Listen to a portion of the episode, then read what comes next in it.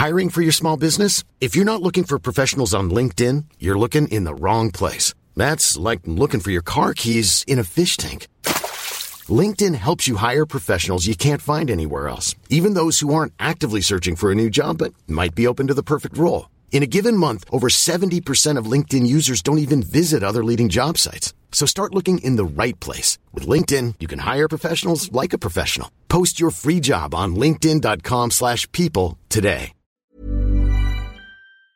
Ik ben Femke Sterke en naast mij zit Barbara van Erp. In deze podcast bespreken we alles, maar dan ook echt alles waar je als vrouw van 50 tegenwoordig tegenaan loopt. Doe je beugel BH maar uit en zet je rode oortjes op. Dit is de Saar podcast 50 plus, maar nog lang niet dood. Welkom bij de Saar podcast, maar eerst nog even dit.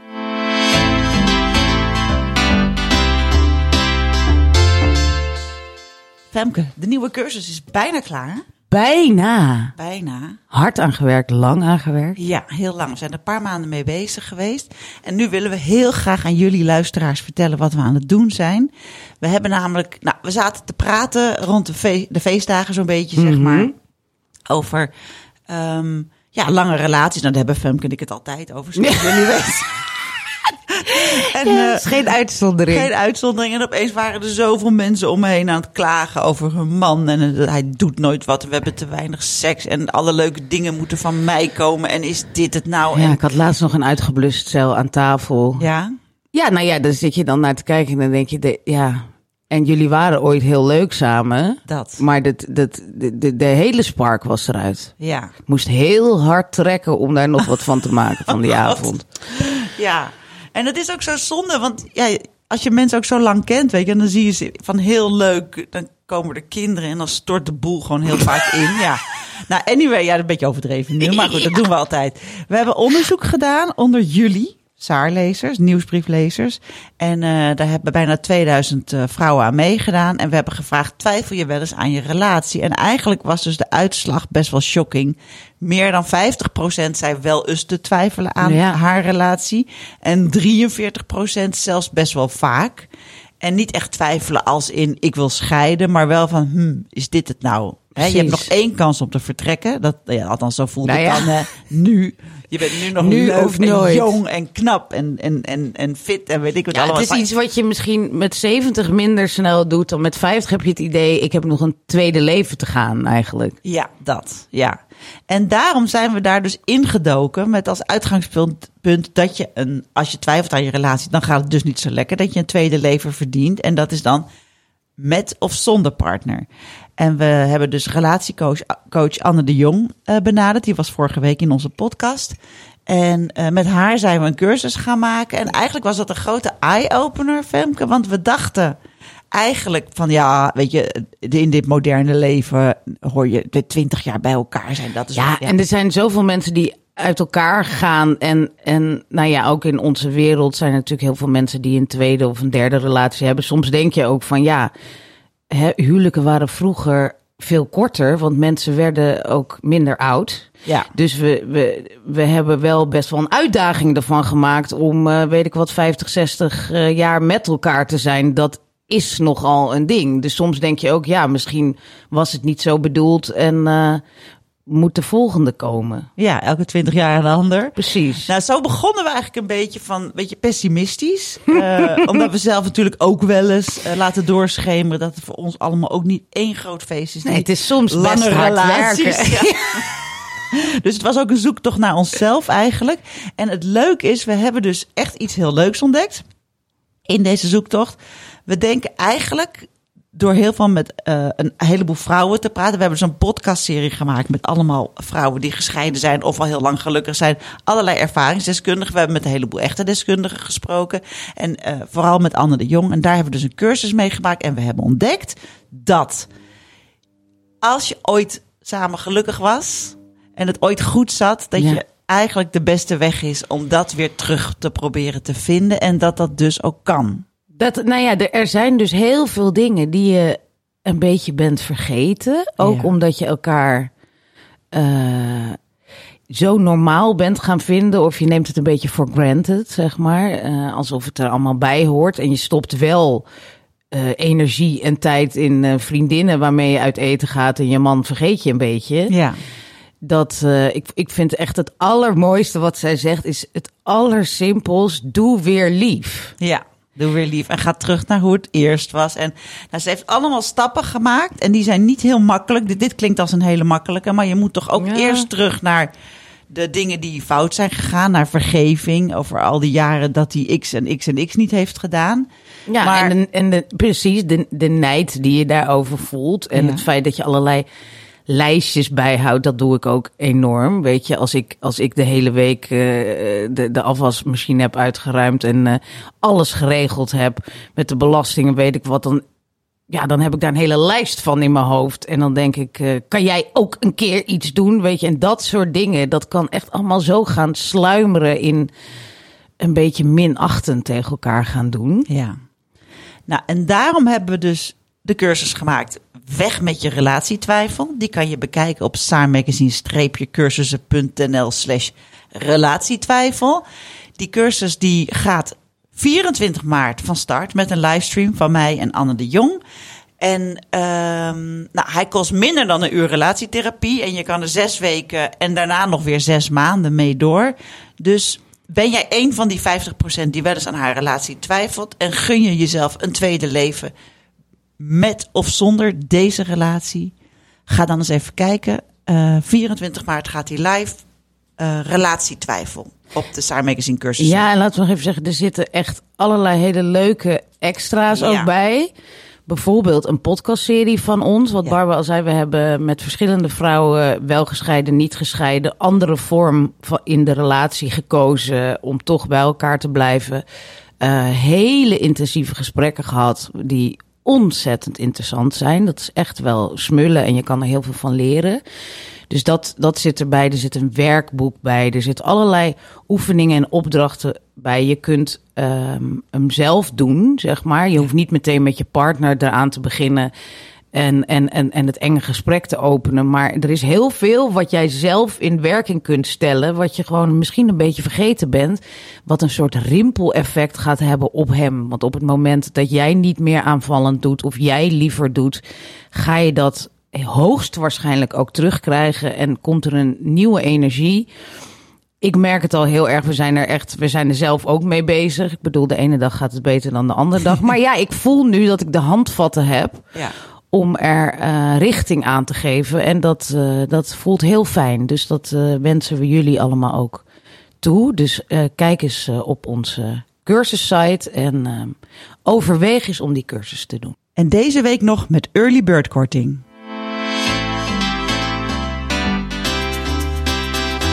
De kinderen zijn groot en we zijn het zorgen zat. We flirten en we dansen en we werken hard. We zien er goed uit en we geven ons bloot. We zijn 50 plus en nog lang niet dood. Doe je beugel BH maar uit en je rode oortjes. Dit is de Saar podcast met Barbara en Femke. Leuk hè, die nieuwe tune. Ik vind hem hartstikke leuk. Ja. Wat vind Heel jij? leuk. Wie zingt dit? Eh, Carlijn van Rij, een eh cabaretière met een hele mooie stem. En haar vriend heeft de muziek gemaakt. En ehm, eh, ja, we- we- jouw man vindt hem Grinch. Dat is hij ook wel een Cringe. beetje. Hij zei, ik vind het wel een beetje cringe. Een beetje Grinch. Echt professioneel. Ja, ook heel professioneel. Ja, we dachten, het wordt tijd voor een leuk liedje. Precies, Ja. we hebben, we hebben Na 50 keer dacht je dat. Nou, Ja, we staan nu bijna een jaar na 50. Het is een jaar geleden we begonnen gewoon met zomaar wat. En nu dachten we, nee, we moeten nu wel echt een beetje een muzikale omlijsting. eh, Ja. ja. Nou, dus dit is ons nieuwe liedje, jongens. Dus dit is ervan. het. Laat weten in de comments wat je ervan vindt. We gaan er niks meer aan veranderen. Nee, nee. Grinch. Cringe. Grinch. Nou, eh, welkom eh, Barbara van Beukering. De- onze, nou ja, je bent toch ook nu een vriendin van de podcast. We hebben een paar vaste vriendinnen. Wel inmiddels. Ja, en eh, nou, je ziet er hartstikke goed uit. Dikke Lang oogjes. leven de make-up. Een beetje, beetje, beetje dikke oogjes, want Barbara heeft gisteren haar boek gelanceerd. Ja.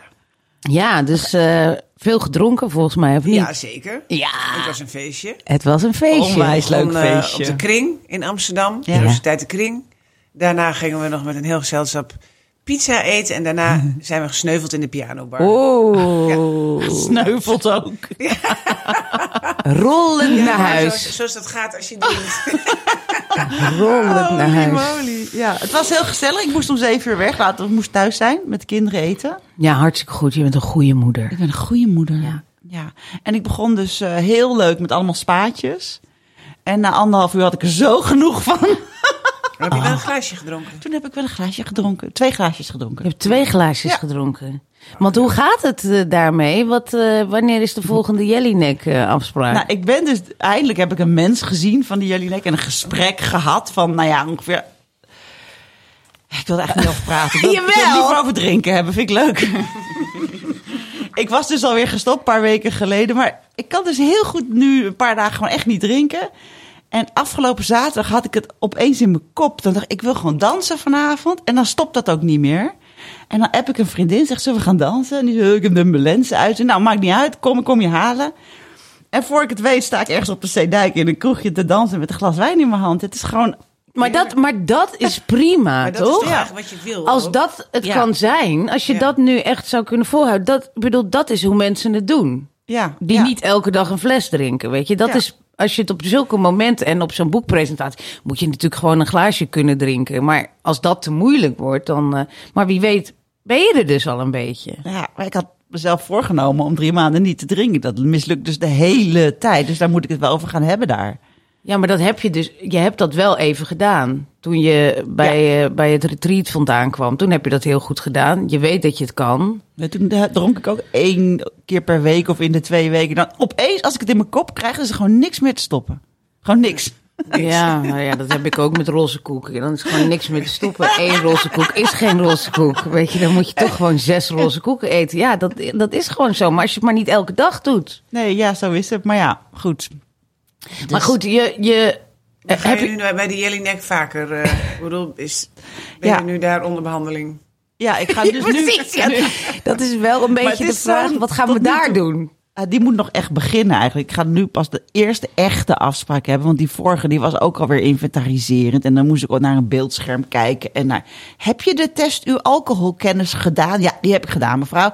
Nou, daar, daar blijf ik maar Gaat op allemaal te hangen. Dat gaat langzaam allemaal voor te jou. langzaam voor mij. Ja, maar we moeten hard eh, Ja. erin geworpen Dus worden. maar- misschien is dit gewoon niks voor mij. Maar jongens, ik ga het even We bekijken. proberen het wel even. Doe het gewoon een week of zes of zo. En als het dan nog steeds kut is, dan gaan we een ander instituut vinden. Of ja, je bent alweer gestopt. Dan laten we je gewoon opnemen. gesloten inrichting. Ik ben gewoon een gesloten inrichting. Ik ben er zo klaar mee, jongens. Ja, nou, goed. Ik ben zo klaar mee. Ik ben nog niet eens begonnen, maar ik ben er zo klaar mee. ja. Maar de mensen zijn nu wel heel erg benieuwd van hoe werkt dit, hè? Dus Ja. ik bedoel, ze willen met je meedoen. Ja, jongens, ik ga het serieus aanpakken. Ja. Ehm, de tweede afspraak komt eraan. Dan ga ik volgende week ga ik weer heel serieus verslag doen, ja? Ja, hartstikke goed. Nou, dan eh, gaan we nu naar ons eh gereed rubriek. Oh, Ja, je weet wel, je Ja. weet wat reet is. Ik vraag het altijd nog, maar we gaan, wat we gaan reten vandaag is eh, de Satisfier. Heb jij een Satisfier? Oh, zegt ze. nee, ja. Het is iets anders dan de womanizer. Ja, maar hij lijkt erop. Hij lijkt erop. Ik zal het verhaal vertellen. Barbara begint nu al te lachen. Ik heb zo de slappe lach gehad van de week. Femke vertelde dit verhaal. En ik heb daarna ik heb drie kwartier in de deuk gelegen op een heel random moment. Maar goed, hier komt de jongens. Hier komt hij. Nou, het was Valentijnsdag. En eh, ik heb er lang over getwijfeld of ik dit verhaal moest vertellen. Maar ik dacht, ja, je moet het toch delen met de wereld. Het was Valentijnsdag en toen kreeg ik van mijn man een Satisfier. Want die had gehoord dat er een orgasmekloof eh, is Ja. tussen mannen en vrouwen. Oh ja, dat had de Linda. had de Linda had dat gezegd. dat wist hij natuurlijk ook best wel. Want hè, het was geloof ik eh 90 om 30. En hij zei, nou, wat is het bij ons? 100 om 50? Toen zei ik, nou, 100 om 30. Toen zei hij, oh, dat is wel echt heel... eh, Toen zei ik, ja, nou ja, goed. Ik bedoel, ik kom zelf wel aan me trekken. Toen zei hij, ja, dat is toch ook belangrijk. Maar misschien moeten we, moeten we er wat mee. Nou, toen kreeg ik dus een Satisfier.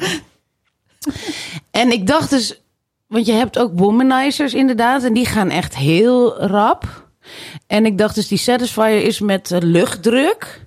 Dus, eh, nou, ik kreeg het ding, zag er heel mooi uit. Een soort hamertje, zeg maar. Maar hij moest eerst acht uur opladen.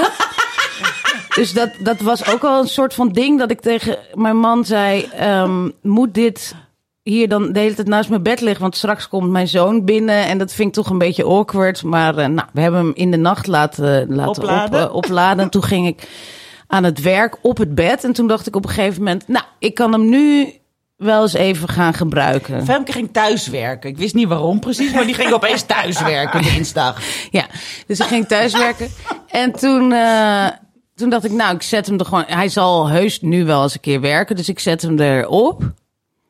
Ja, het, ik kan het bijna niet beschrijven gewoon. Het was, ik zet hem erop. Ik denk dat het... Nou, misschien was het 10 seconden of 20 seconden, maar er ge- gebeurde iets wat, waarvan je dacht van, nou ja, het, het is een soort... Het is een orgasme, maar het was zo snel dat je denkt, ja, dit, dit heeft... Wat, Het slaat nergens meer op. Nee, ik was gewoon flabbergasted. Dus ik, ik liep, Radier was ook eh, eh, aan het werk, dus ik liep eh, op de overloop en ik gilde ze naar beneden. Ik zeg, ik denk dat ik net een orgasme binnen 10, mi- 10 seconden van opbouw naar climax naar afzak heb gehad. Weet je, dan denk je toch... Maar hoe werkt het? Werkt het hetzelfde als de womanizer? Of is het een ander principe? Ja, ik heb de womanizer nog nooit echt eh, gezien. Is die ook met, die is ook met luchtdruk, Ja. hè?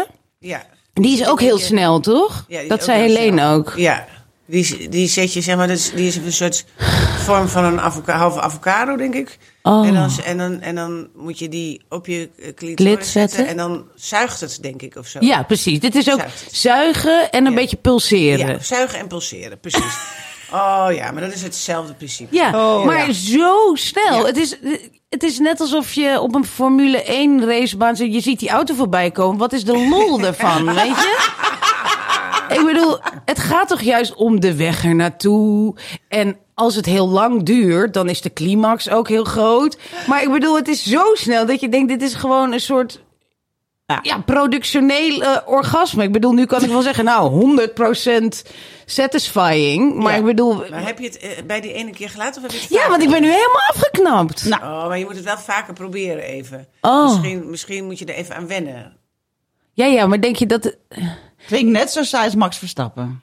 Ja, en het was ook... Daarna had ik gewoon nog ook een beetje een soort van pijn in mijn onderbuik. Omdat het... Het was een soort van uitgezogen. Zo snel. Ik was gewoon een beetje kwaad ervan. Dus nou ja, ik zeg nu uh, Satisfyer een 1. Maar misschien... Misschien Maar dat ik ik... vind één keer proberen vind ik echt te weinig Echt om, waar? het- om het te reten. Ja. Ja, je hebt gelijk. Oké, volgende week. Je moet hem nog drie keer uitproberen, Femke. Oké. Goed, maar ik wil even zeggen dat als we ooit nog geïnterviewd worden, dan wil ik dit in de podcast laten. Ik ga hier niet in een, in een, in een krant hierover praten, ja? Nee. Want dit is voor Want de dan podcast. openen ze het artikel weer, Weer met, met... eh, Femke en de over. Oké, Oké, maar goed. We, dat, beloof het. ja, dit, eh, de Satisfyer, ja. Nou, het was een, eh, het was een hele bizarre ervaring Ja, gewoon. ik kan hem niet reten, want ik heb hem nog niet eh, Nee, uitgeprobeerd. wil je hem lenen? Nee! Goed, we gaan naar het fragment. Het fragment van Ellen Dikker over zeurende vrouwen. Dat is een beetje ook eh, op jou geënt. En niet omdat je zeurt, maar vanwege een speech die je hebt gehouden, geloof ik, hè? Toch? Ja. Er was een speech. Nou, ik, ik ga hem eerst voorlezen. Vijf jaar geleden vierde ik mijn 45ste verjaardag. Dat, dat zegt Ellen Dikker, dus die is dus nu 50. Lekkere muziek, dansen, drinken, mannetje of 30 over de vloer of vrouwtje of 30 ook goed. Ik ben hartstikke woke. De oudste uit logeren, de jongste slaapt overal doorheen. Met mijn prosecco in de hand huppelde ik van groepje naar groepje. Soepel met mijn heupen draaiend en met een vrolijke grijns voeg ik me bij een groepje jongere vriendinnen. Net veertig zijn ze. Oh, mijn knieën, zo'n pijn, ik kan geen trap meer op. En dan die mood swings, ik vind het zo heftig. Ik trek een wenkbrauw op. Waar gaat dit in hemelsnaam over? De overgang! We zitten er middenin, roepen ze. Ik verslik me in mijn prosecco. De overgang? Doe normaal zeg, daar zijn we toch allemaal veel te jong voor? Nee joh, dat kan nu al beginnen. En het kan wel 15 jaar duren. Ze schreeuwen hard over de muziek heen. Slaapproblemen, energiegebrek, depressieve gevoelens, korte lontjes, pijnlijke gewrichten en dan die koppijn. Ik sta met mijn oren te klapperen. Heb geen idee dat deze kwalen bij de overgang horen. Maar waar gaat dit eigenlijk over? De overgang is voor oude vrouwen met elektrische fietsen, Korte rood geverfde haren en zure mondhoeken. Vrouwen van minstens 50 en dat ben ik nog lang niet. Ben je een haartje betoeterd? Ik ben een jonge vrouw aan het begin van een glansrijke carrière. Nee, want in jouw speech gisteren zei je dat je nog nooit veel leven ongesteld bent geweest. Dat je nog nooit een kwaaltje hebt gehad. En dat ik ook niet in de overgang zit. Nee, Nee. doen we gewoon niet aan. Vind ik grappig. Barbara heeft dat, heeft dat ook heel erg inderdaad. Die doet er ook niet aan. Ik ben echt zo'n zeikende vrouw. Ik ben nu Ja, ja, dat is 43. En, en ik heb het idee dat ik nu in de pre-menopauze zit. En daar vertel ik ook de hele dag over. dus ik voel me nu een beetje een outcast bij jullie. En je bent 43, zei je dat? Ja. Ja, dan ga je er ook wel 15 jaar in zitten als je Ja. nu al begint. Ja. ja. Maar Bar, doe, doe nog even je speech van gisteren. Ja, wat zei ik nou? Ik zei dat ik helemaal niet goed ben in het hebben van ziektes. Ja. Dat zei ik. Ik ben nogal Spartaans opgevoed. Mhm. En, eh, en dat, dat hield in dat je eigenlijk je de, eh, alle signalen die je lichaam geeft gewoon moet, moet Negeren, ja, ja. En daarom zei ik, ik ben ook nog nooit ongesteld geweest. Ik heb nog nooit griep gehad. Ik heb al- altijd alles genegeerd. Waar Ja. ik overigens wel eens voor gestraft ben. Want zo is wel eens een eh, blaasontsteking eh, veroorzaakte uiteindelijk een nierbekkenontsteking. Oh ja, want ik hem had heb je la- lekker door laten lekker rotten? door laten sudderen. En eh, ik had een keer een eh, pijntje in mijn heup. En dat heb ik ook genegeerd. En dat werd uiteindelijk een scheur in het bot van mijn heup. Waardoor ik 8,5 maand op krukken lopen. Dus ik ben er toch wel dikwijls voor gestraft. Want jij bent echt zo iemand die nooit naar de huisarts Nee, gaat. nooit. Nee. Oh ja. Nee. Dus ehm, ja. Dus ik, maar ja, goed. En tot, tot ik dus een haarziekte kreeg. Ja. En dat viel niet in de... Dat had ik ook heel graag genegeerd. Ja. Ja. Als het pijn had gedaan, had ik het gewoon genegeerd. Ja. Maar het deed geen pijn. Je zag het alleen. En dat viel niet te negeren. ja. Ja, Dus eh, Want daar gaat je boek dus over. Daar gaan we het ook zo over het hebben. hoofdthema is haar, dus dan kunnen we het uitgebreid over haar Uitgebreid hebben. We hebben van alles te zeggen over ja. haar. Ja. Zoveel te zeggen over haar. Maar, ehm, maar de- heb je over de overgang ook nooit, eh, nooit gezeurd, nooit nee, iets nou ja, gezegd? Ik zit er middenin. Dat is zeker. Ik ben 56. Ik denk dat ik er vanaf mijn ongeveer. Ja, ik denk dat ik toen op mijn 50ste mijn eerste opvlieger gewaar werd. Ja. Eh, dus het is ook al, er zit ook al een paar jaartjes in. En ik was toevallig trouwens, dat is wel zo. Ik, was, ik heb wel iets geleerd hoor, eh, in de loop der tijd. Ik had dus een pijntje in mijn heup. Ja. En omdat ik dus tien jaar geleden dat pijntje had genegeerd, waardoor ik 8,5 maand op krukken moest lopen, dacht ik, dat moeten we dus niet meer doen. Ja. Dus toen ben ik echt meteen naar de huisarts gegaan. De huisarts zei ook meteen, hop, MRI laten maken. Zo. Want misschien is het weer hetzelfde wat je toen had. Maar toen, eh, dus ik MRI bij de Bergman Kliniek. En toen zegt die orthopeet, een hele leuke man trouwens. En die zei, ja, je hebt een, eh, dit, dit keer was het niet een scheurtje, maar, maar was het een peesontsteking. En hij zei, en ik, oh, hoe kom ik daar nou aan? Ja, zegt hij, ik, ja, ik vind het vervelend om te zeggen, maar het hoort heel, dit is een overgangsstraat. Oh. En hij zegt, het gaat ook over als je uit de overgang bent. Oh. Maar ik zei, ja, maar wanneer ben ik uit de overgang? Zei hij, ja, daar heb ik geen idee. Dat kan inderdaad gewoon nog, nog wel eh, vijf jaar duren. Of, Want ik weet toch niet, we hebben het nooit, niet zo vaak over de overgang, dus ik ga toch even deze vraag dan stellen. Wat betekent dan al die jaren dat je daarin zit? Wat we, want ik bedoel, op een gegeven moment houd je ongesteldheid op of wordt minder heftig ja, of nou, zo? mijn, mijn ongesteldheid is pas vorig jaar opgehouden. Ik Oké. Ik, zat al vijf jaar in de overgang. Wat is dat dan? Ja, dat je dan, ik, ik heb opvliegers. Ja, ja. En hoe vaak? En eh, het wordt trouwens wel minder. Ik denk wel, ja, ik hoop... Dat je richting het einde beetje dat ik gaat. richting het einde Ja. ga. Ja, het viel wel mee, want ik negeer ze natuurlijk. En dat werkt ook heel goed. En dat werkt, ja. Eh, ja, nee, een, paar keer per dag krijg ik het dan heel warm. Oh, echt waar. Jeetje. Ja, en, en nachtelijk zweten hoort ook heel erg bij Ja, de overgang. ja. En, en wat stramme gewrichten. Nou ja, nog zo wat kwaaltjes. Ja, ja. Ja. Mood swings. Maar die negeer ik ook. ja. ja. Dat strammen heb ik ook wel. Dat merk ik als ik 's morgens opsta. Dat Ja. ik denk, fuck. ja, dat je echt gewoon als een oud wijf je bed uitkomt. Ja. Dat je echt even, even helemaal... eh, Ja, even los schudden Ja, zo. ja, Ja, ja. dat heb ik ook wel, ja. Ja, dat heb ik nu al, maar goed. Ik ben natuurlijk ook laatst bij de dokter geweest. Die zei, natuurlijk zit je er middenin. Zei, jij kan wel bloed gaan testen en zo. Maar nou ja, goed, dat was... Wat denkt u nou, ja, mevrouw? nee, Oké, dus ik zit er middenin. Ik merk er heel weinig van, geloof ik. Ja, omdat je het negeert, omdat je niet in contact staat met je lichaam. Nee, behalve dat het stijf is. Maar dan ga ik gewoon lekker yoga doen. Lekker yoga. Lekker yoga doen. En jij menstrueert nog wel? Ja, Oh ja. ja ineens stopte het. Drie maanden, toen kwam het weer terug. Oh ja. Ja, Dus ja maar dan ben je wel zo aan het, aan het Ja, eh, ja. kutten. Ja. En soms is het dan ook heel... Nou ja, dat ga ik nu niet allemaal vertellen. Met van die Heel zwaar. stukken. Nee, ja, dat... soms. Ja, dat heb Maar ik je dus heel vrouwen die echt heel depressief worden hè, van de overgang. Ja. Maar zit jij niet eh, nog aan, of, eh, aan de hormonen? Ja, dat heb ik wel gedaan.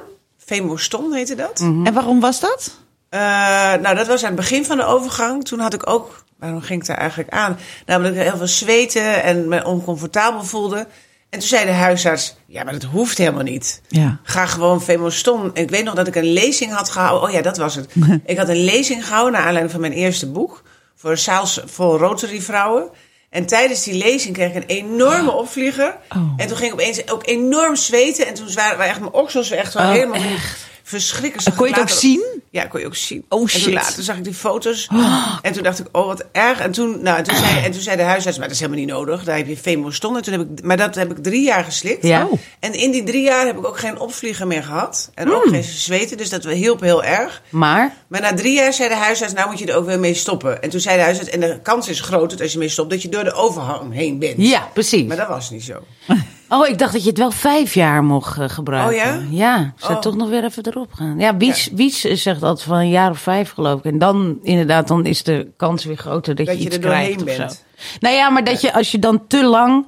Want zij zei ook van, je, eigenlijk zou je op je 45 moeten beginnen. Want dan gebeurt er helemaal niks. Dan kan je van je 45 tot 55 en dan ben je er doorheen bijvoorbeeld. Maar Ja. tien jaar is te lang. Ja, ja. Want dan heb je weer verhoogde kans op borstkanker Ja. of zo, weet je. Dus je moet het echt pas doen. Maar goed, drie jaar vind ik best kort, dus hup.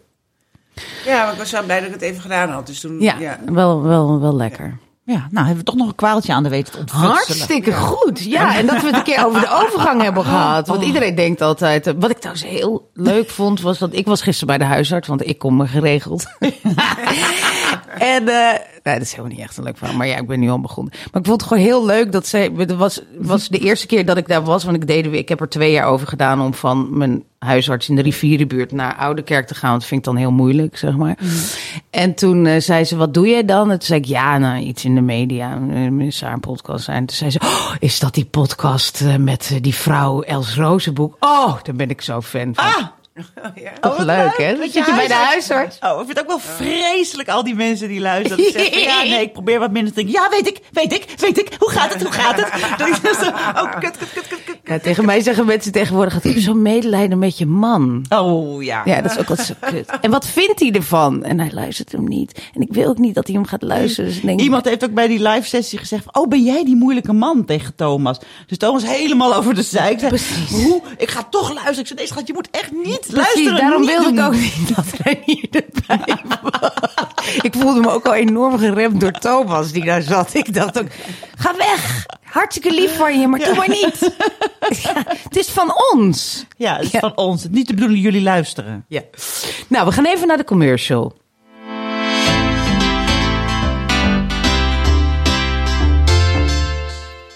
En het nieuwe nummer van Saar is alweer bijna naar de drukker. Dat is het maartnummer.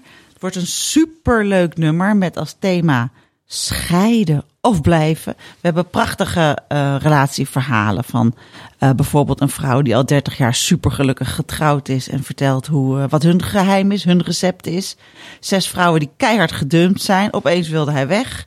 Een verhaal over een vrouw die een nieuwe liefde heeft en die helemaal opbloeit weer. We hebben een heel mooi verhaal van Kluun waarin hij de balans opmaakt over scheiden of blijven. En vertelt hoe verliefd hij is op zijn nieuwe vrouw. Eh, Suzanne Smit heeft een heel mooi openhartig interview gegeven. Over, eh, nou ja, ook over relaties, maar ook over de menopauze en ehm, van alles. Haar nieuwe boek. En, eh, oh ja, we hebben een heel grappig verhaal over help. Hij zei u tegen me. Over vrouwen die dan helemaal verbaasd zijn dat iemand u tegen ze zegt. Terwijl ja, jongens, we zijn ook al 50, hè? Dat je net doet alsof je nog super jong bent. Eh, een verhaal over monogamie. Ik kan het niet. We hebben een heel mooi verhaal over Angelina Jolie. Een hele leuke schrijfster van ons die helaas kinderloos gebleven is en daarop reflecteert. Een vrouw die straatarm raakte na de, na de scheiding. En eh, dat allemaal in het maartnummer. Als je deze week nog een abonnement neemt, dan krijg je die ook erbij opgestuurd. Dus je moet voor 2 maart je inschrijven hiervoor. En dat kan je allemaal vinden op saarmagazine.nl slash abonnement.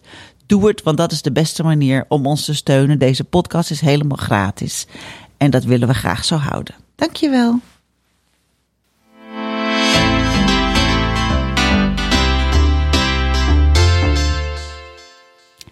Nou, hè, hè? Hè, hè? Zijn we weer aanbeland bij ons hoofdthema. Ja, haar. Haar. Ja. Dat gaat over... Nou ja, het is naar aanleiding van jouw boek. Noem nog even de titel. Het jaar waarin ik mijn haar verloor. Ja. Ja, wanneer was dat jaar? 2020. 2020. Dus het, het, het, eh, eerste echte corona Ja. Oh, en in dat jaar gebeurde er heel veel, begreep ik. Ja. Wat gebeurde er? jaar, nou, ten eerste, ik, ik lanceerde mijn vorige boek. Dat heette Je kunt het maar één keer doen. Dat, dat ging over de manier waarop we sterven. Mhm. En dat lanceerde ik eind februari. Ook met een heel groot feest op de kring. Net zoals Ja. gisteren een heel groot feest was. En dat was vlak huidige- voor corona, toch? En dat was 27 februari. En toen, de week later... ook alles. Gingen we dicht. Corona. Ja. En, toen, en twee weken later... Want mijn boek kwam toen meteen in de eh, hoe heet het, eh, bestseller top 60. Mhm. Eh, op 8 binnen. Dus het was echt zo helemaal zo'n ideale boeklancering. En boem, 15 maart ging, Nederland- ging alles op slot. Boekhandels dicht. Oh, ja. En toen was het, eh, ja, toen viel de verkoop ook helemaal stil. Maar goed, dat was nog mijn minste probleem op dat moment. Het probleem was natuurlijk dat we corona hadden, dat we geen kant op konden. Dat, eh, dat Jij ging toen in Friesland zitten, ja, toch? ik ging in Met Friesland man. zitten. Wij woonden toen half in Amsterdam en in de weekend in Friesland. Maar we gingen maar helemaal in Friesland zitten, want in Amsterdam was er toch niks, niks te doen. En, eh, en dat was een best een enge periode toen nog. In het begin, dat je zag echt alleen Ja, wat gebeurt beelden er? van Ja. clichés met mensen aan de beademing. En mijn man is eh, bijna 20 jaar ouder dan ik, dus die, die was ook echt wel een beetje bang. Risicofactor, ja. En, eh, en tegelijkertijd gebeurde er in ons privéleven ook echt de ene rampspoed naar de andere. Thomas' zus, Thomas heet mijn man, zijn zus kreeg toen op 1 april te horen dat ze alvleesklierkanker had. En zes weken later was ze dood. Shit, en dan in die tijd. In die tijd. Dit En meen we konden niet naar haar toe vanwege corona en het was vreselijk. En een hele goede vriendin van mij, een van mijn beste vriendinnen, die, had al, die was al eerder gediagnosticeerd in, in november daarvoor, maar die had eh, ook ongeneeslijk kanker. En eh, mijn schoondochter die eh, heeft een bipolaire, nee zeg ik dat goed? Ja, een bipolaire stoornis en die, die, kreeg, die raakte in een psychose. En eh, ik kreeg op dat moment een kleindochter. Dat was natuurlijk een hoogtepuntje. Maar was ook vervelend, ik kon ik niet bij. Want het was corona, mocht je niet eens op kraamvisite komen. Maar toen mijn kleindochter vijf maanden was, toen ging onze schoonzoon er vandoor. Oh. Dus we echt, het was gewoon de ene rampspoed naar de andere. Ellende en dat op allemaal in dat coronajaar. En nou ja, of het allemaal niet erg genoeg was, verloor ging mijn haar uitvallen. Dus ik verloor mijn haar gewoon gedurende dat jaar. Jezus. En hoe, hoe, hoe kwam je daarachter dan? Waar begon Nou, dat mee ja, plukken? Het, het heet alopecia, die haarziekte. Mhm. En het begon met een kaal plekje. En dat was al ontdekt op de dag dat ik mijn haar liet veunen voor de boekpresentatie. Dus dat was, al, dat was dus 27 februari. En toen zei de kapper, je hebt een kaal plekje op je hoofd. Dan moet je even mee naar de dokter. Nou, ik ga liever niet Tuurlijk naar de niet. dokter. Maar de kapper zei, nee, moet je echt, echt even heen. En dat kon hij ook heel streng zeggen. Dus ik heb dat toch gedaan. En toen zei de dokter, die heeft toen bloed geprikt of iets met mijn schildklier had of zo. Maar dat was allemaal prima. Dus toen ik een paar weken later voor het boekenbal weer mijn haar liet veunen eh, door dezelfde kapper, zei hij, en ben je bij de dokter geweest? En ik heel trots, ja, nee, nee, maar er is niks aan de hand hoor. Ik. en toen zei hij, nou dat is dan heel raar, want het plekje is twee keer zo groot geworden. Dus er is wel degelijk iets aan de hand. En jij moet ook niet naar de huisarts gaan, je moet naar de dermatoloog gaan. Zo, goede kapper. Ja, en Wat een wijze kapper. ja, en ook een, een hele dominante kapper. dus hij was ook geïrriteerd en hij zei, dat moet je echt wel doen. En ik zeg het niet voor mezelf, hè. Ik zeg het voor jouw eigen best wel, want straks is het alopecia. En daar had ik nog nooit van gehoord. Ik kon het woord ook niet onthouden, want ik weet nog dat ik thuis kwam dacht ik... Moet Wat was het ook alweer? Ja, Ja. wat, wat zei hij nou ook alweer? Ja, nou, kon- maar goed, toen ging ik naar de dermatoloog en toen bleek het alopecia te zijn. En dat betekent dat je, haar, je hoofd pleksgewijs kaal wordt. Dus het was eerst één plek en toen nog een plek en toen nog een plek. Dus mijn, ik kreeg alsmaar... eh, nou, en die plekken werden steeds groter. Het was echt afschuwelijk. Maar had je dan dat je 's ochtends wakker werd en dat er plukken op je kussen Nou, lagen? nee, of hoe gaat dat dan? Kussen. Het was meer dat ik gewoon de hele tijd, als ik zo bij mijn haar deed, had ik gewoon plukken in mijn Oh. hand. En als ik douchte, Thomas die zei ook de hele tijd van, Hele ik moet elke een doucheputje schoonmaken. Ja, ja. En of een borstel, gewoon als ik mijn haar Oh, borstelde, shit. bleef het heel erg veel. Maar, ja, en dat... eh, Stond je dan te janken voor de spiegel?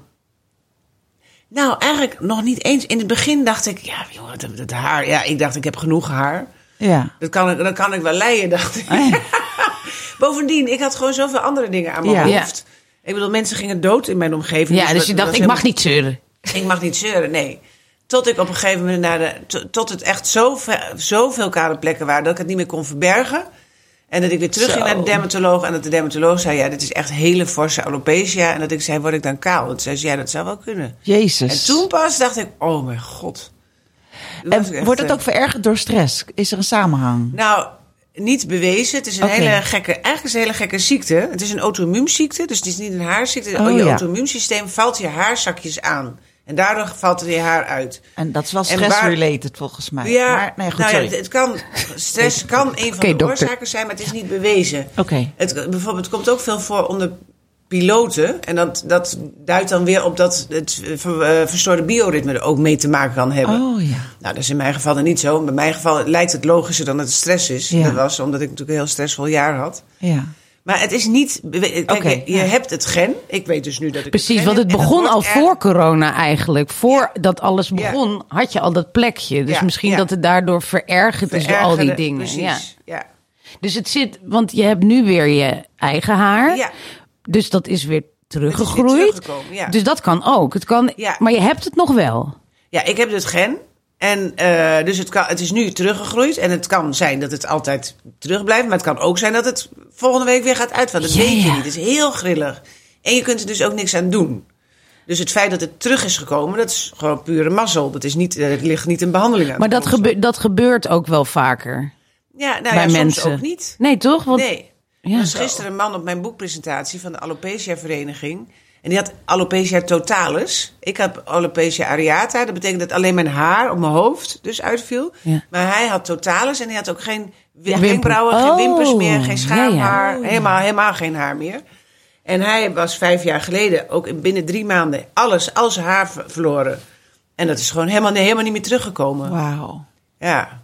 Maar dit, wat, dat, wat jij hebt, zeg maar, dat het dus wel terugkomt, dat komt ook vaker voor. Of Komt is het ook best wel een voor. enorm wonder? Ja. Nee, komt vaker Komt voor, vaker ja. voor.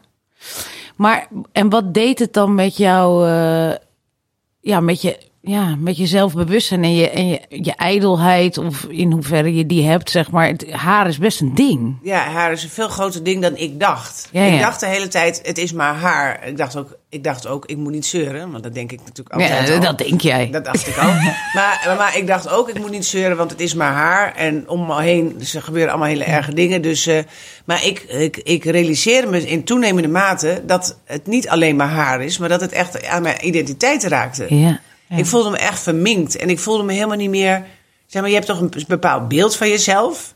Eh, en ik ben niet overmatig ijdel. Ijdel vind ik. Weet je, ik vind het leuk om er goed uit te zien. Maar ik ben, ben niet iemand die de hele dag in de spiegel kijkt. Ik maak me 's ochtends op en ik trek een leuke jurk aan. En de hele dag is eh, verder prima. Maar opeens voelde ik me gewoon ja, een verminkte vrouw. Ik voelde me niet meer... De, zeg maar, het beeld wat ik van mezelf had van blonde vrouw met lang haar... Dat was ik niet meer. Ik, was Ja. opeens, ik voelde me gewoon een ja, verminkte, kale vrouw. En ik Wauw. was mezelf gewoon aan het kwijtraken. Ja. Vertelde je tegen mensen eigenlijk? Want ik zei Nee. ook tegen Barbara, jullie kennen elkaar natuurlijk. Maar ik, ik zei, wist je dat eigenlijk? Ik zei, ze, nee, helemaal- volgens nee, mij ik niet. heb het echt helemaal niet... Nee. eh, Dus je verzweeg het echt. ja, ik, ik schaamde me heel erg. In het begin schaamde ik me heel erg voor die kale plekken. Want dat vond ik ook heel onsmakelijk uitzien. Ja. Dus, eh, dus dan ging ik helemaal ver- verdoezelen met sjaaltjes en petjes en dingen. En toen ik het niet meer kon verbergen... Toen ben ik een, heb ik een pruik gekocht. Dat mag ik eigenlijk niet meer zeggen, pruik. Moet je haarwerk zeggen. Oh ja. Pruik is voor carnaval en feestwinkels, eh, heb ik geleerd. Oké. Dus toen ging ik een haarwerk aanschaffen voor 4.500 euro. Zo! Ja, mensen. Ja. Van echt Europees blond haar. Want ik dacht, ja, dan wil ik ook wel meteen Ja, het beste. het beste. En ik Ja. wilde dus dat niemand het zag. Dus Ja. ik dacht, moet ook wel een haarwerk wat echt op Ja. mijn haar lijkt. En toen had ik dat haarwerk. En dat heb ik toen in het model van mijn eigen haar laten knippen door mijn eigen kapper. Wauw. En toen, nou, toen, en toen zag niemand het. En toen Jeetje. ging ik het ook helemaal aan niemand vertellen. Maar toen had ik wel een geheim. Ja. Toen was ik opeens een vrouw met een haarwerk. En, en je kinderen en je man wisten het natuurlijk ja, die wel. wist het natuurlijk wel. Ja. Ja. Dat was het. Dat was het. Nou, en de kapper wist het. En de kapper. En, eh, en ik heb het toen aan de, aan mijn uitgever verteld. Want toen dacht ik wel in die periode, ik moet er een boek over schrijven. Want ik dacht, dat haar is zo belangrijk. Ja. Dus toen had ik eh, mijn uitgever uitgenodigd om naar Friesland te komen. En toen heb ik haar verteld. Toen zei ik, ik weet nog, ik zei, ik heb een boekidee en het heeft te maken met mijn haar. En toen ging ze naar mijn haar kijken en toen zei ik, ja, want het is niet echt. Nou, zij viel echt letterlijk van de stoel. Ze zei, wat? Wat? Is je haar niet echt? Ja. Dus en, nou, in de loop van de tijd ben ik het natuurlijk wel aan meer mensen gaan vertellen, maar toch maar heel mondjesmaat. Maar je zat ook gewoon thuis op de bank met je haarstuk erop, toch? Ja. Ja? Ik, eh, ja, ik vond het gewoon, ja, ik voelde me gewoon echt heel lelijk en verminkt zonder dat haarwerk. Dus, en Thomas zei wel s'avonds, doe dat toch af joh. We Ja. zijn toch met z'n tweetjes? Maar nee, ik zat er gewoon... Wel, maar als je naar bed ging, deed je hem af. ja, als ik naar bed ging, deed ik hem af. Maar voelde je je minder, minder sexy ook naar je man toe of zo? Ja. Vond je dat allemaal... heel- ja, precies. Ja. Ik kan me wel voorstellen dat dat ook iets te maken... Ja. Het, het slaat op alles Ja, het natuurlijk. slaat op alles, ja. Bizar, hè? Ja. Maar en, en had je er dan gedurende dat jaar en ook hoe lang dit heeft geduurd veel eh, verdriet van? Zeg maar dat je er echt heel verdrietig van was? Of was je dat constant aan het wegslikken? Nou, ik was wel echt, ik was er wel heel verdrietig over. En ik, maar ik was ook wel een beetje, ja, het was natuurlijk zo dubbel, omdat ik in dat jaar zat waar zoveel erge dingen Ja, ja. gebeurden. Dus ik probeerde het ook wel weer weg te stoppen, Ja. te relativeren. Ik probeerde het de hele tijd te relativeren. Maar ik was ook wel heel verdrietig. En ik was, was ook heel eenzaam wel. Precies, omdat, je dus ook niet heel erg. En deelde. ik was heel bang dat ik door de mand zou vallen. Dus ik was ook de hele tijd daarmee bezig.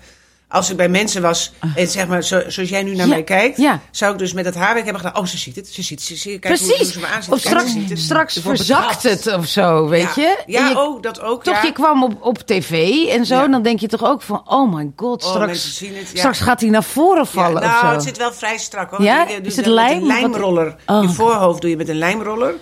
En achter had ik nog een klein beetje haar. En dan zat zo'n zo'n soort kammetje wat daar dan Oh, overheen ja, ging. zo- ja. Maar ik heb wel een keer gehad...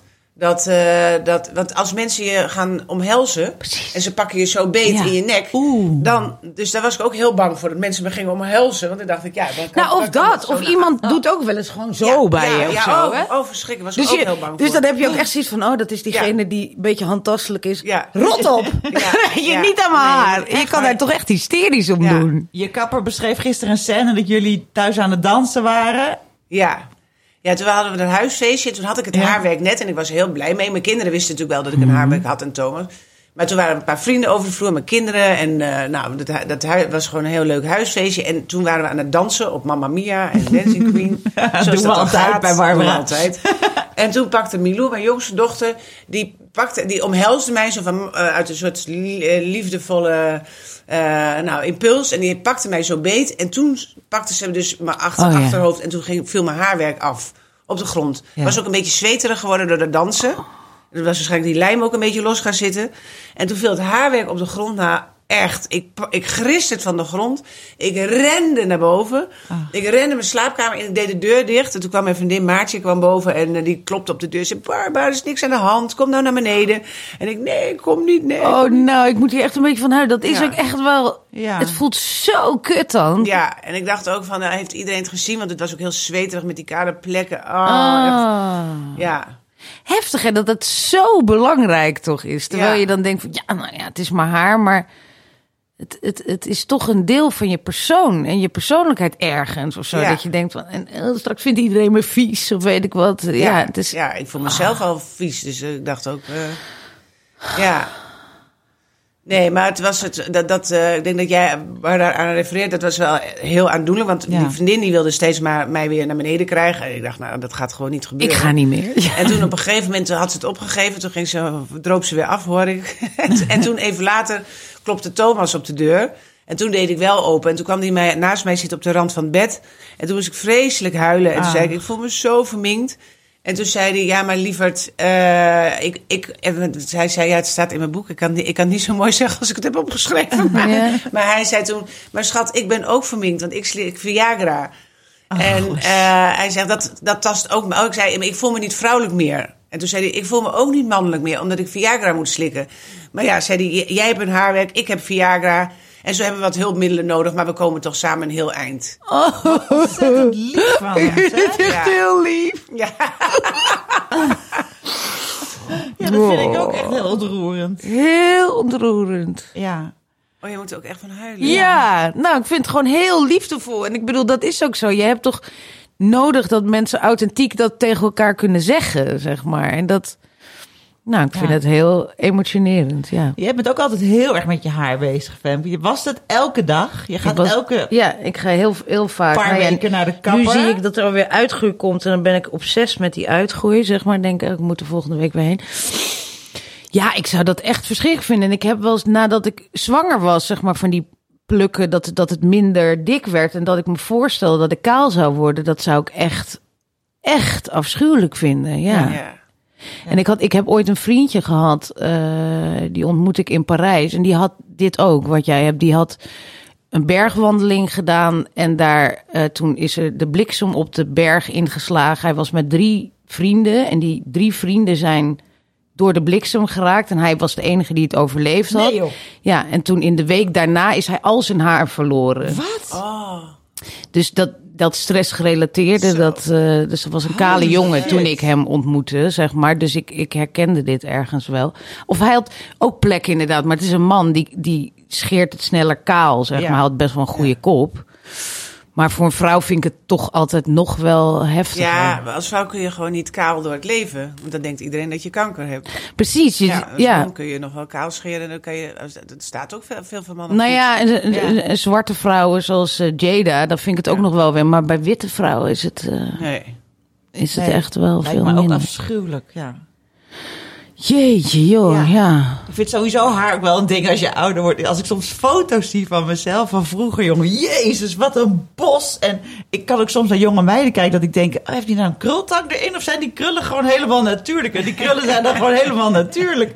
Terwijl het is zo hard werken om... Het is zo grappig dat zij eh, Lies Visgedijk toen. Ja? Die had ook. Oh ja, dat haargeval. Die, precies, die vertelde toch ook van, die had, dat weet je ook nog wel, in Gooise Vrouwen had zij zo heel van dat hele dikke prinsessenhaar, wat zo heel dik ook op die rug viel. En die zat helemaal aan dat, ja, het is nu nog een klein pierig staartje. Ja, de bossen die in mijn eh, doucheputje. Dus, dus dat is natuurlijk met ouder worden is dat sowieso, maar dan gaat het geleidelijk. En dit met die hele plekken Ja, eraf, dat is tuurlijk, natuurlijk... Ja, maar je krijgt ook heel veel vrouwen die dan om deze reden kort en pittig gaan. Ah, kort en pittig. Ja. En het dan maar afknippen, omdat het anders zoveel werk is om de krultang erin te zetten. Of weet ik wat allemaal. Ja. Ja. de- misschien komt er een moment dat we allemaal ons haar moeten afknippen. Maar Nee, joh. nee. Nee. Maar heb jij, heb jij nu dat je. Het is nu weer terug, maar je weet dat, dat het weer zou kunnen komen, dat je weer plekken gaat verliezen. Zou dat nu anders zijn als dat gebeurt omdat je al Ja. een beetje therapie hebt Nou, dat gehad is een door goede dit? vraag. En het wordt, de volgende keer wordt het geen geheim meer. Ik heb natuurlijk nu Ja. mijn coming out beleefd inmiddels mijn eigen boek. Oh ja, denk je dat mensen het nu weten? En eh, kijk, de, een, een deel van, van eh, waarom, het, waarom de ziekte best zwaar is... en dat geldt niet alleen voor mij, maar eigenlijk voor de, alle alopecia-patiënten... is dat, dat je er zo verschaamt. Ja. En dat je dus gaat verbergen en dat je het geheim gaat houden. Ja. Maar de volgende keer als ik het weer krijg, dan zeg ik gewoon: jongens, ik heb weer een kale plek. Of eh, jongens, ik draag een haarwerk. Ja. Dus dan ben ik dat gedeelte kwijt. Want dat maakt het gewoon, ja, dat maakt het ook zo eenzaam en zo zwaar. Als je de hele dag maar denkt dat je door de mand kan vallen. Dat is een heel rot gevoel. ja, dat zou toch fijn zijn dat je dan zegt van even niet aan mijn haar zitten, want ik heb weer mijn haarstuk Ja, op. ja, Dus eh, even niet mij omhelzen als je dronken wordt. Want dan, kan hij eraf glijden, vind ik kut. Dat is, ja, precies. Dat, is, dat lijkt me. Nou ja, dat toch heerlijk? maakt het, eh, maar ik heb, toen ik dus zelf alopecia kreeg, ik kende helemaal niemand met alopecia. Nee. Ik kende ook helemaal niemand met een haarwerk. Nee. En nu kun je er heel maar, veel, maar- of maar niet? ik weet gewoon, er zijn 250.000 mensen die dat hebben. En er zijn nog veel meer mensen die een haarwerk dragen. En Ja. De enige, ja, dat was ook wel grappig. Want ik had ook heel erg behoefte om met iemand te praten die dat ook had. Of die, Ja. En ik kende gewoon helemaal niemand. En toen opeens dacht ik, oh, Mark Marie Huibrecht. Ja. Die heeft tien jaar Ooit, geleden zijn ja. coming out in eh, de wereld daardoor. Toen heb ik via via zijn nummer gevraagd. En toen had ik hem ge-sms. Dan zou ik een keer met jou mogen afspreken. Want ik heb een eh, haar... Nee, toen zei hij heel vriendelijk. Ja hoor, prima. En het was zo'n heerlijk gesprek. Want hij heeft dus tien jaar in het geheim een haarwerk Ja, gedragen. hè? En we hadden helemaal, oh, heb jij dat ook? Oh ja, en dan ben je zo bang dat het... En als je dan in de wind loopt en, het, en je haar gaat naar achteren... dat je dan zo het randje, Het randje de, ah, dingen... Oh, tuurlijk. Dat je daar dan zo bang voor bent dat mensen dat zien en eh, dingen. Dus het was één feest der herkenning. Maar goed, dus dat, en dat heeft me ook heel erg goed gedaan. Ja. En toen wist ik ook... Nou, hij heeft er tien jaar mee gelopen. Ik loop er nu twee jaar mee. Ik moet er vanaf van het geheim. Dit is verschrikkelijk. Ja. ja, want hij zei ook van ik raad dit je niet aan, Nee, omdat zo zei, lang... eh, eh, Nee, nee, hij zegt, ik ben er veel te lang mee doorgelopen. En het, en het is eh, nee, vreselijk. Het geheim is veel erger dan Het de... geheim, ja. geheim is eigenlijk erger dan de kwaal. Ja, ja, precies. Maar de grap is, nu heb ik dus dat boek geschreven en heb veel, veel interviews gegeven. Uit alle hoeken en gaten krijg ik nu berichten van alopecia-patiënten. Ja, dat zal wel, Of van ja. mensen met haarproblemen of haarziektes. Ja, je zet het nu echt op de kaart. Ja, die dus nu zeggen tegen mij: Oh, ik vind het zo herkenbaar. Ik durf het ook aan niemand te vertellen. En ik, Ook oh, in het en- geheim allemaal. Ja, en die zijn, dus ik krijg allemaal nu post van mensen die dit heel erg herkennen. En die, eh, ja. Ja, dat vind ik ook wel wat. Als je gaat praten over, ook over je, nou ja, alcohol. Ik krijg, we hebben ook allemaal mensen die zeggen... Oh god, weet je, ik drink ook eigenlijk te veel. En dus waarom houden we zoveel dingen geheim? Ja, en relatieproblemen. Ja. Als je gewoon zegt van, nou, we hebben een crisis. En dan gaan mensen, oh ja, nou, bij ons. En de, de verhalen komen helemaal los, weet je. Elke dag. niet zo lekker. Eh, Precies. Ik denk dat we in deze podcast hebben best wel veel over dingen ook wat mensen een beetje moeilijk vinden en Ja. zo. Om over te praten. Ik denk, we zijn er redelijk open over. Dus elke dag krijgen we ook mails van mensen die zich daarin herkennen en dat verzwijgen of zo. Weet je? Ja. Dus ik vind dat Ja, heel ook omdat we opvallend. een beetje geleerd hebben dat als je je kwetsbaar opstelt, dat je, dat je een surpiet bent. Tenminste, ik heb dat wel zelf zo ja, geleerd. Ja. En dat ik, er- ik kom er nu ook achter dat als je eh, je kwetsbaar opstelt en dit vertelt, dat je helemaal niet daardoor een surpiet wordt, maar dat het je eigenlijk sterker maakt. Ja. Ik Ja, vind want dat- heel interessant dat jij surpiet zegt. Want dat is iets wat je, te- waar ik totaal niet aan denk. Dat is echt schaamte van veel mensen, denk Ja. ik. En, en eh, dat surpiet, dat komt niet eens in me op. Nee. Nee, maar ik vond het wel opvallend. Volgens mij zei je in eh, op één dat je dan ook nu pas een, eh, een, een psycholoog was gaan bezoeken. Dat ik ook dacht, wow, ja, dat is ook wel. Nou ja, ik, volgens mij iedereen die ik ken loopt bij een psycholoog. Vond ik laat.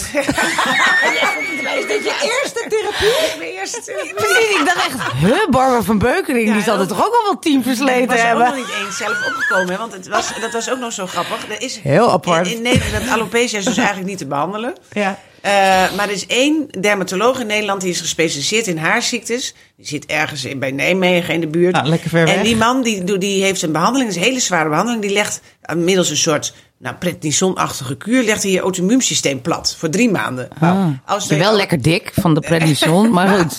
Maar als je auto-immuunsysteem plat ligt, dan gaat je haar weer groeien. Want het is tenslotte een Ah, ja. En zijn theorie is, eh, dan gaat je haar weer groeien. Nou, na drie maanden moet je natuurlijk weer je auto-immuunsysteem weer, eh, moet weer sterk worden. Want dat heb je namelijk wel nodig. Ja. En dan hoopt hij dat, het, dat je haar blijft doorgroeien. Mhm. Dus hij, hij noemt het ook, want ik heb hem gesproken aan de telefoon, rammelen aan je auto-immuunsysteem. Maar eh, wat eigenlijk ook helemaal niet zonder gevaar is. Nee. En Thomas was er ook helemaal niet mee eens dat ik naar die man wilde. Nee. En, en de kinderen ook niet. Nee. Maar ik wilde zo graag mijn haar terug. Oh, echt? Ik dacht, nou, ik, ga, ik ben verder toch heel gezond. Dacht ik, ik kan dat vast wel leiden. God, man. Dus ik ging naar de huisarts Dik met haar. om een doorverwijzing voor, dat, Ja. voor die therapie te vragen. En toen zei mijn huisarts... Ga jij maar zei- eens. Die zei, ik wil jou eigenlijk liever geen doorverwijzing naar die dermatoloog geven. Ik wil jou liever een doorverwijzing naar een psycholoog geven. Wauw. Heel erg Ja, goed. heel erg Chapeau. goed. Ja, Wauw. Wat goed. En zodoende kwam ik bij de psycholoog terecht. En wat, En wat, daar loop je nog steeds. Nee, ben ik een jaar geweest. Ja? Het jaar 2021. Ja? Dus dat valt buiten mijn boek. Maar mijn boek gaat over 2020. Oh, het jaar dat ik therapie kreeg. Ja, die, ja, die kan. en eh, nou, dat heeft mij ontzettend goed gedaan. Ja? Wat goed. Want Ja. wat, wat kon zij... Want ging dat nog over het haar? Of komt Nee, dan eigenlijk je hele geschiedenis ik dacht, dus terug? ik kom daar voor mijn haar. Ja. Dat was trouwens eh, eh, helemaal via Zoom, want toen was het nog midden Oh ja. corona. Oh ja? Kon je dat een beetje? Lijkt me echt kut. Nou, dat moest wel. Ja, Ja. oké. maar toch, lukt dat dan? Heeft Ja, dat ja, al lukt- zin? Daar ben je Ja, hoor. Ja, ik vond Ja eigenlijk- hoor, zegt Barbara Ik vond het ook op een gegeven moment eigenlijk heel prettig. Oké. Ik zat gewoon lekker in mijn eigen werkkamertje Ja. met haar te praten. Ja. En eh, ik weet nog dat ik in de eerste, de eerste sessie zei... Ja, ik heb een kaal en het is een, ik heb een haarwerk op en weet ik wat. En toen zei ze, ja, maar daar daar kan ik niks aan doen. Zei ze, dat is nou eenmaal een gegeven. Maar daarom kom ik bij jou. En daar, eh, maar ze zei, we gaan het even hebben over hoe jij met de dingen omgaat. En toen kwam, nou ja, toen, daar heb ik heel lang met haar over doorgepraat. Van, kijk, je kunt, je hebt, iedereen maakt wel eh, dingen mee in zijn leven. En iedereen krijgt wel te maken met stress. Maar het is gewoon, hoe ga je ermee om? Mhm. En ik heb altijd een soort overmatig verantwoordelijkheidsgevoel gehad. Ja. Oudste dochter, ouders die erg pre- prestatiegericht waren. Dus ik heb altijd me verantwoordelijk gevoeld voor alles en iedereen. En ook voor het wel en wee van alles en iedereen. Dus op het moment dat in mijn omgeving toen... Ja, dat mijn dochter verlaten werd en mijn schoondochter in de psychose belandde. En ik was alleen maar bezig met wat, hoe, wat, hoe, Hoe kan ik dit oplossen? En redden. Twee, twee kleine kinderen, twee kleinkinderen Twee die de hele kinderen, tijd precies. onder jouw hoede kwamen. Onder mijn hoede. En ik had de hele tijd maar het idee van... Ik, moet, ik lag er alleen maar wakker van. En wat kan ik doen om ze weer gelukkig te maken? Wat Oh, kan ik doen om het probleem op te lossen? Ah, ja. nou, en dat heeft zij mij laten inzien van... Ja, maar hou maar een keer op met dat Ja, je kan het leed van de wereld niet Ja, op je schouders loslaten. dragen. Dat ja. was eigenlijk de hele ja. therapie. Ja. Ja. Ja. Ja, dat is het heel vaak bij vrouwen, volgens mij wel. Loslaten. Ja. Toch? Ja. Zo mooi. Zo Maar ja, jij hebt ook zoveel op wilskracht gedaan. Dat keiharde werken en dan s'avonds Ja. eh de stad in. En dan ook nog drie kinderen opvoeden. En ook nog het mooiste ontbijt en het lekkerste eten. En weet, Ja. het is Ik heb ongelooflijk wel een beetje overdreven. ik, ben wel een beetje, ik ben wel een beetje uitgesloofd. Al jaren.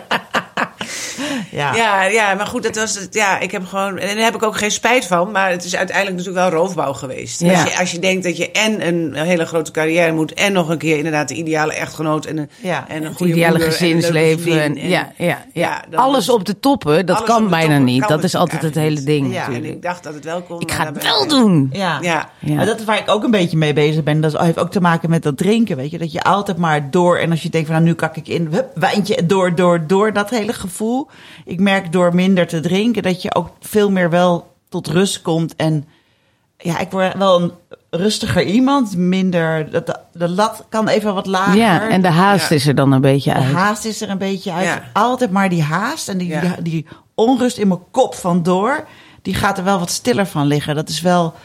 Dus ik vind het bevrijdend. Ik vind het echt bevrijdend dat je Ja. gewoon dat. Ja, dat je gewoon niet, niet altijd maar dat, dat moeten, moeten, moeten. Maar dat je ook gewoon aardig voor jezelf kan zijn en zeggen: het hoeft niet. Ja. ja. Maar dat is je dus wel gelukt, want dat is, het is natuurlijk als je, nou ja, niet twintig bent, laat ik het zo zeggen, dan heb je al, ja, maar dan heb je al zo, zo lang zo geleefd, Ja. om dan de, de knop een beetje om te zetten, is ontzettend moeilijk, want het is gedragsverandering en dat is gewoon heel moeilijk. erg lastig. Ja. Maar dat is je dus wel gelukt, kennelijk. Nou, ik heb de Ten dele omgevingsfactoren heb ik ook wel een beetje nu eh, zo, zo Ja. ingericht. Want ik ben verhuisd naar Friesland. Ja. Ik heb een hondje, waardoor ik heel veel moet wandelen. Ja, Dat heel, dat helpt ook. Thomas Ja. die zegt ook steeds, de hond is de helft van je therapie. Ja, ja, dat Want geloof ik. loop Je 10 moet. kilometer per dag. Ja, en ja. dat is zo goed om te Ja. lopen. Ja, en je hoeft niet meer om zes uur 's morgens bij het parool op de redactie En ik te hoef zijn. niet meer op, op- Nee, precies. Dus, precies. eh, nee, dus ik heb eigenlijk mijn, mijn levensomstandigheden zijn eigenlijk ideaal geworden. En ik zit natuurlijk nog steeds met mezelf opgezadeld. Dus ik ben nog steeds die perfectionist. Ja. En ik wil nog steeds alles graag regelen. En oplossen Maar- voor je en dochters oplossen. en zo. Ja, precies. Ja. Dat, dat maar blijft. het is ook, ik bedoel, het heeft ook in mijn gezin ook wel wat teweeg gebracht. Want ik heb Ja. wel ook voor die therapie natuurlijk met de kinderen gedeeld. En ook Thomas gedeeld. En die zijn ook gaan inzien van, ja, het was ook altijd wel raar als wij met z'n allen naar Friesland kwamen. Dat mama altijd alles deed. Weet je, als de kinderen kwamen. Ik was al dagen van tevoren al naar de Hanos en, en, en, en de boodschappen aan het doen en aan het koken. Ja, en iedereen de is daar bedden ook aan gewend, hè? Ja. dus de kinderen kwamen en die zijn gewoon allemaal 27, 29, Ja, 31. hartstikke En die kwamen verwend. binnen en die gingen op de bank ploffen. Of Ja. in, in dit mooi weer op een stretch in de tuin. Van heerlijk mama, Nootje? vanmiddag? Ja. En, die, eh, en die komen nu en die zeggen... Mam, je hoeft niks mee te nemen, want wij doen onderweg boodschappen. Ja. En wij koken. Goed Ja. zo. Ja. En wij betalen En- de pizza's. En wij betalen de pizza's. Nou, ja, top. heerlijk, ja. Ze hebben gisteravond de pizza's betaald. de Maar, maar ik had ook zelf het idee van... ik moet mijn hele leven de ideale moeder dat blijven. doen, ja. Ik moet ook, als ze groot zijn, moet ik moet nog steeds zo'n Italiaanse mama. En ik Ja, doe altijd alle. ja. En toen zei die psycholoog ook, zei die Barbara, je hebt het zo geïdealiseerd. Maar je hebt ook nog gewoon je werkt fulltime. Ja. Weet je, wel, misschien dat je als je nou geen werk had, dat je nog steeds wel de, Ja. die verzorgende moeder zou. Dat, Ja. Die vrouwen heb je natuurlijk ook. Die Ja. ook Als je enige bestaansrecht als je je eh, enige lijkt. bestaan Ja. zegt. Maar ze zei, je werkt fulltime. Waarom denk je dat je nog steeds gewoon zo Dat moet doen. die moederrol... Want die kinderen zijn volwassen. Het is juist leuk dat het wel het evenwicht is. Ja. en Dat zij ook voor jou gaan zorgen. Ja. Ik dacht, voor mij gaan zorgen. Hè? En dan blijkt ook dat ze dat heel erg leuk vinden. Tuurlijk. die kinderen. Wat superleuk. Ja, dit is En wel je heel relatie mooi. wordt er ook evenwichtiger van. Ja. Ja. Want je ging in het begin eh, met je dochter die verlaten was en met een baby van vijf maanden, ging je ook elke week naar Amsterdam en dan ging je daar Ja. op, op de babypas en op de bank slapen. Ja, Dat was ook een beetje veel, hè? ja, was ook een beetje veel. Ja. Ja. maar ja, ik dacht, dat moet ik doen, Ja. want ik moet haar helpen. Ik en moet haar redden. Ja, ik Ja. moet haar redden. Maar ja, tot ik het ook op een gegeven moment... Tot de psycholoog dus zei, hoezo moet jij dat doen? Je woont Ja. in Friesland, Ja. je werkt... En dan ga je die ene vrije dag, ga je dan... eh, Of die twee vrije dagen, want dan bleef ik ook slapen. Ja. Ga je ook nog dat oppassen? Hou op, zeg gewoon tegen je dochter... Dat, dat red ik niet. En ik dacht, maar dan ga ik toch niet tegen mijn dochter zeggen? ja. En het is natuurlijk wel, want je dochter begrijpt dat toch? En die begreep dat natuurlijk ook onmiddellijk. Ja. Ja. Ja. dit vind ik echt altijd geweldige dingen. Ja. Inderdaad, dat inzicht. En ook dat de omgeving daar dan, als je het uitspreekt, dat de omgeving daar ook op kan reageren. En Ja. dan ook soms een besefmomentje. Want zolang jij het in stand houdt, denken zij ook, zij wil dat graag. En ik laat het me altijd, aanleunen. nee jongens, ik vind het leuk. Ik hou Precies. van koken. Ik hou van Precies. verzorgen. Nee, geen enkele Precies. moeite. Dus ja, dan. Denk, dan denken zij ook van, nou ja, veel plezier ermee. Maar op het moment dat je dat zegt, dan kunnen zij ook instappen. Ja. En dat blijkt eigenlijk best wel leuk te zijn. En ze zijn gewoon volwassen. En dat- hoe Ja. leuk is het om dingen samen te delen in plaats van eh, die moeder die alles doet. Ja. Wat heerlijk. Nou, ouder worden is best leuk. dit Nee, soort zeker. inzichten, daar, daar kan je echt van floreren gewoon. Ja. Dat je denkt, Ja. zo, zo is het. Ja, Het is echt een- de wijze vrouwen. dames. Ik zit echt in zo'n heerlijke fase. Even een paar haren van moeten verliezen, maar eh, ik krijg er heel veel voor terug. Precies, ik krijg er zoveel voor terug. Nou, Nou, dan gaan we maar even hebben over graniolen. graniolen. Graniolen. Werkwoord. Iemand het klote gevoel geven dat hij of zij hoogbejaard is. Als in, die kut millennial zit me verdomme te graniolen. Ik heb helemaal niet gevraagd of je erover na wou denken. Maar is- ik, zal, ik kan wel beginnen, want ik, heb, eh, ik ben gegraniold. Oh, deze week? Eindelijk weer. Nou, dat is wel een tijdje geleden. Ja. Maar ik laat dat aan de gasten over. Maar Ja, ja, nu. Nu, mag, nu moet ik maar een keer Ja. bedenken. Want ik, zij wordt volgens mij niet zo vaak gegraniold, deze Barbara. Oh, Oh, sorry. Ja, ik moet even heel erg gaan.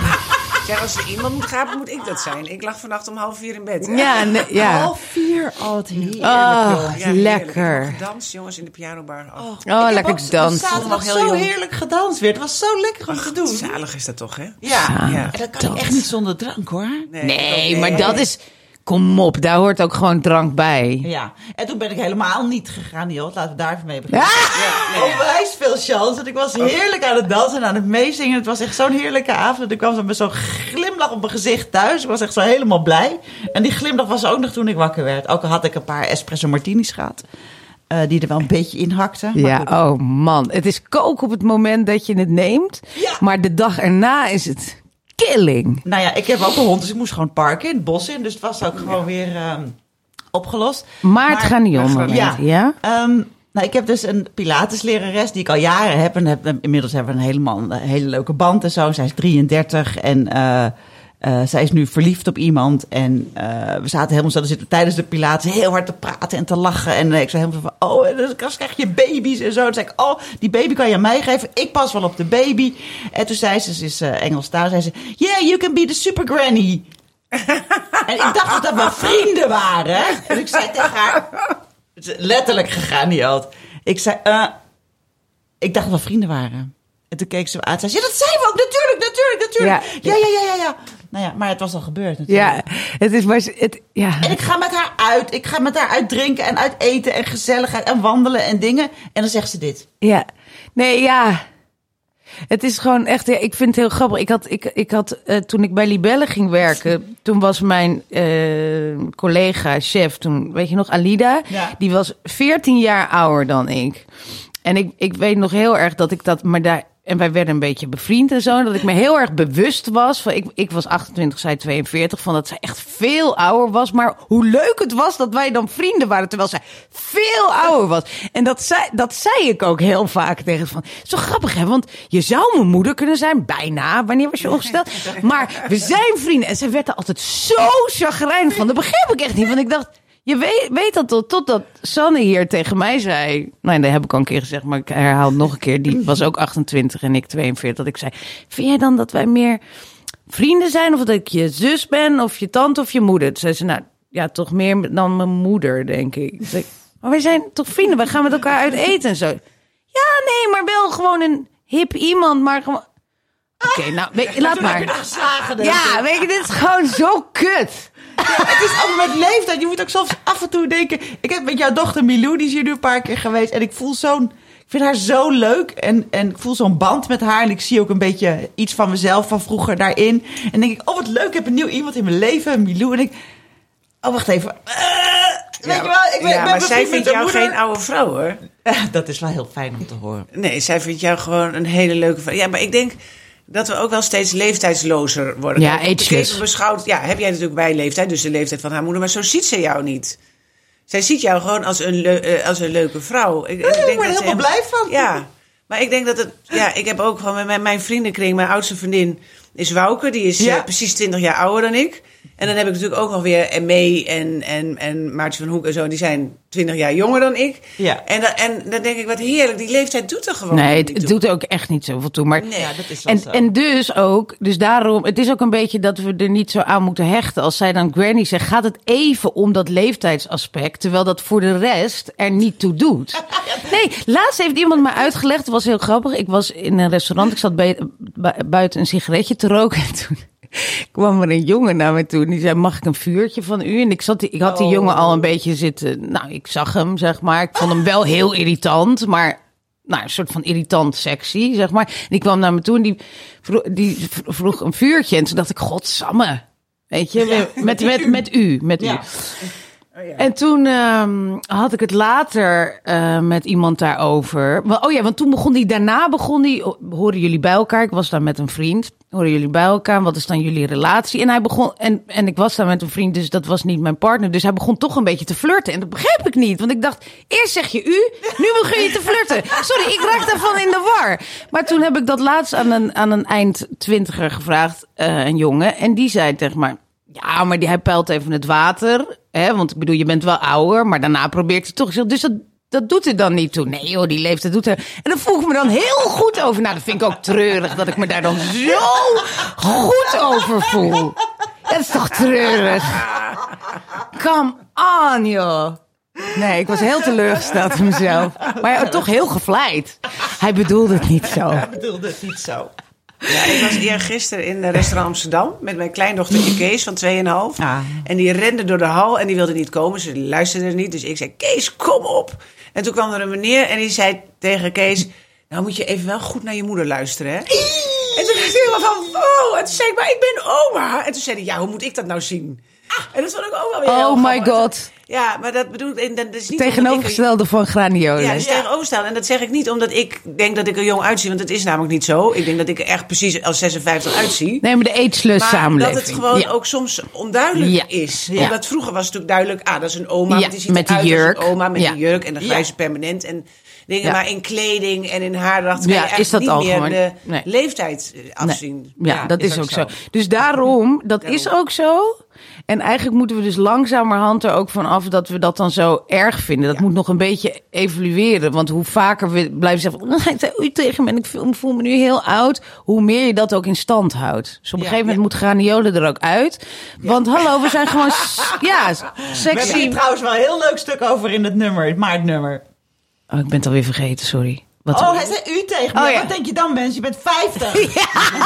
Dat is de kop van het verhaal. Heel grappig Die was echt heel grappig. Met Hoe, dat, hoe oud denk je dat Ja, hij zei? met een, een groepje vrouwen die dan aan de, aan, aan de bediening, aan de jongen die ze bedient gaat, vraagt van, hoe oud denk je dat we zijn? En dan zegt hij, nou, ik denk een jaar of veertig of zo. En dat ze dan allemaal heel blij zijn. En dan schrijft zij van, ja, hij zegt natuurlijk veertig, want hij haalt er sowieso tien jaar van af. Maar daar zijn we dan toch heel blij mee. Ja, echt de treurigheid. na een jaartje of 60. maar vaak halen ze dan wel hun moeder erbij. En dat vind ik dan ook wel weer beledigend. Ja, want mijn moeder die... Ja, ja. Nou, ja. Nou, het was Ja, weer een nou. mooie. Jij gaat lekker naar Friesland, lekker je bedje in. ja. Ja, lekkere broodje tartaar met, eh, met mayo. Mm, Op het benzinestation. lekker. Ja, En dan kan de zaterdagochtend beginnen. zo is het. Nou, tot de volgende keer. Dank jullie wel. Ik vond het heel gezellig. Ik Heel ook. gezellig. Vond je deze podcast leuk? Volg ons dan op Spotify. Wil je Saar steunen? Neem dan een abonnement op ons magazine. We kunnen je hulp goed gebruiken, want we zijn geen onderdeel van een groot bedrijf. We hebben geen mannen in pak die ons helpen met geld. We zijn een klein bedrijf opgericht door een paar vrouwen die vinden dat er mooie dingen gemaakt moeten worden voor jou. Voor die hele leuke, frisse 50-plus vrouw van nu. Dus abonneer je, dan kunnen we ook deze podcast voor jullie blijven maken. Gratis en voor niks. Dankjewel.